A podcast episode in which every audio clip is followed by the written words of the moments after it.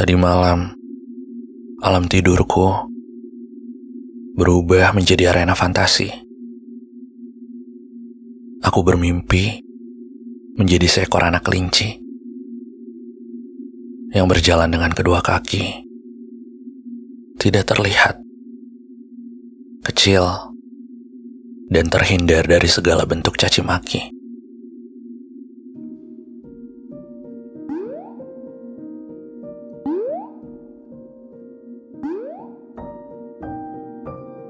Aku dikelilingi dunia yang begitu besar, yang begitu kasar, hingga tak jarang aku tersandung berulang kali.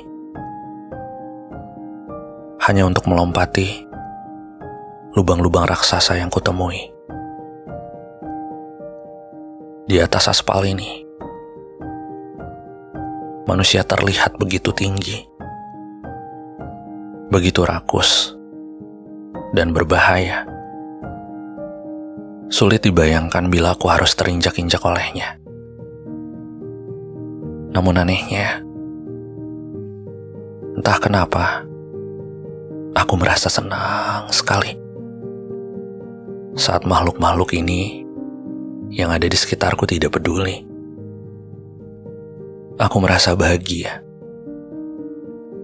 saat mereka-mereka tidak teliti, mengacuhkanku, dan membiarkanku apa adanya seorang diri. Tidak perlu dipuji, tidak perlu disemangati, tidak perlu diberkahi, tidak perlu dikaruniai, tidak perlu diobati, tidak perlu pula ditakuti apalagi dijahati. Bahkan tidak perlu dicurangi. Karena mungkin mereka tak sadar aku ada di sini. Kalaupun iya, aku bukanlah ancaman yang perlu dikhawatirkan.